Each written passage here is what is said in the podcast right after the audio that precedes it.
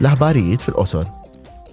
Il-membri parlamentari Ewropej li jagħmlu parti mill-Kumitat tal-Iżvilupp u l-Kumitat tal-Ambjent għada se jikkunsidraw la bozz ta' rapport dwar l-implementazzjoni twettiq tal-għanijiet ta' svilupp sostenibbli ta' Nazzjonijiet Uniti.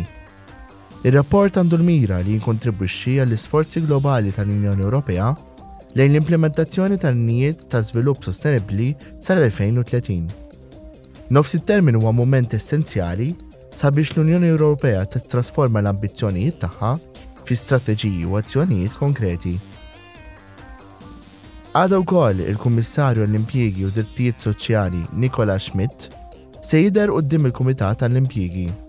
F'dan l-iskambju hu mistenni jagħti aġġornament lill-Membri dwar inizjattivi leġislattivi u inizjattivi oħrajn li reċentement ġew ippreżentati mill-Kummissjoni.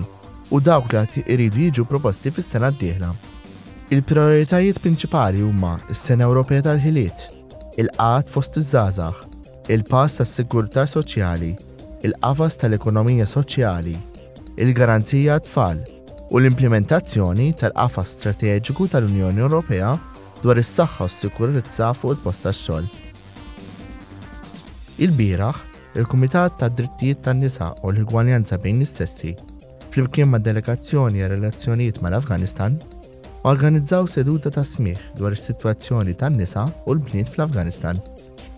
Minn mindu t-Taliban ħadu l-poter f'idejhom, in-nisa jinsabu oppressi, ma jistgħux isemmgħu leħinhom, qed jiġu injorati u qed jiġu iżolati mill-ħajja pubblika.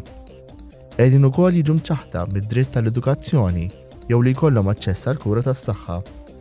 Dan jesponi lin-nisa u lill-bniet għal riskji ogħla li jidħlu fi żwiġijiet prekoċi u li jesponu ruħhom għall-abbuż.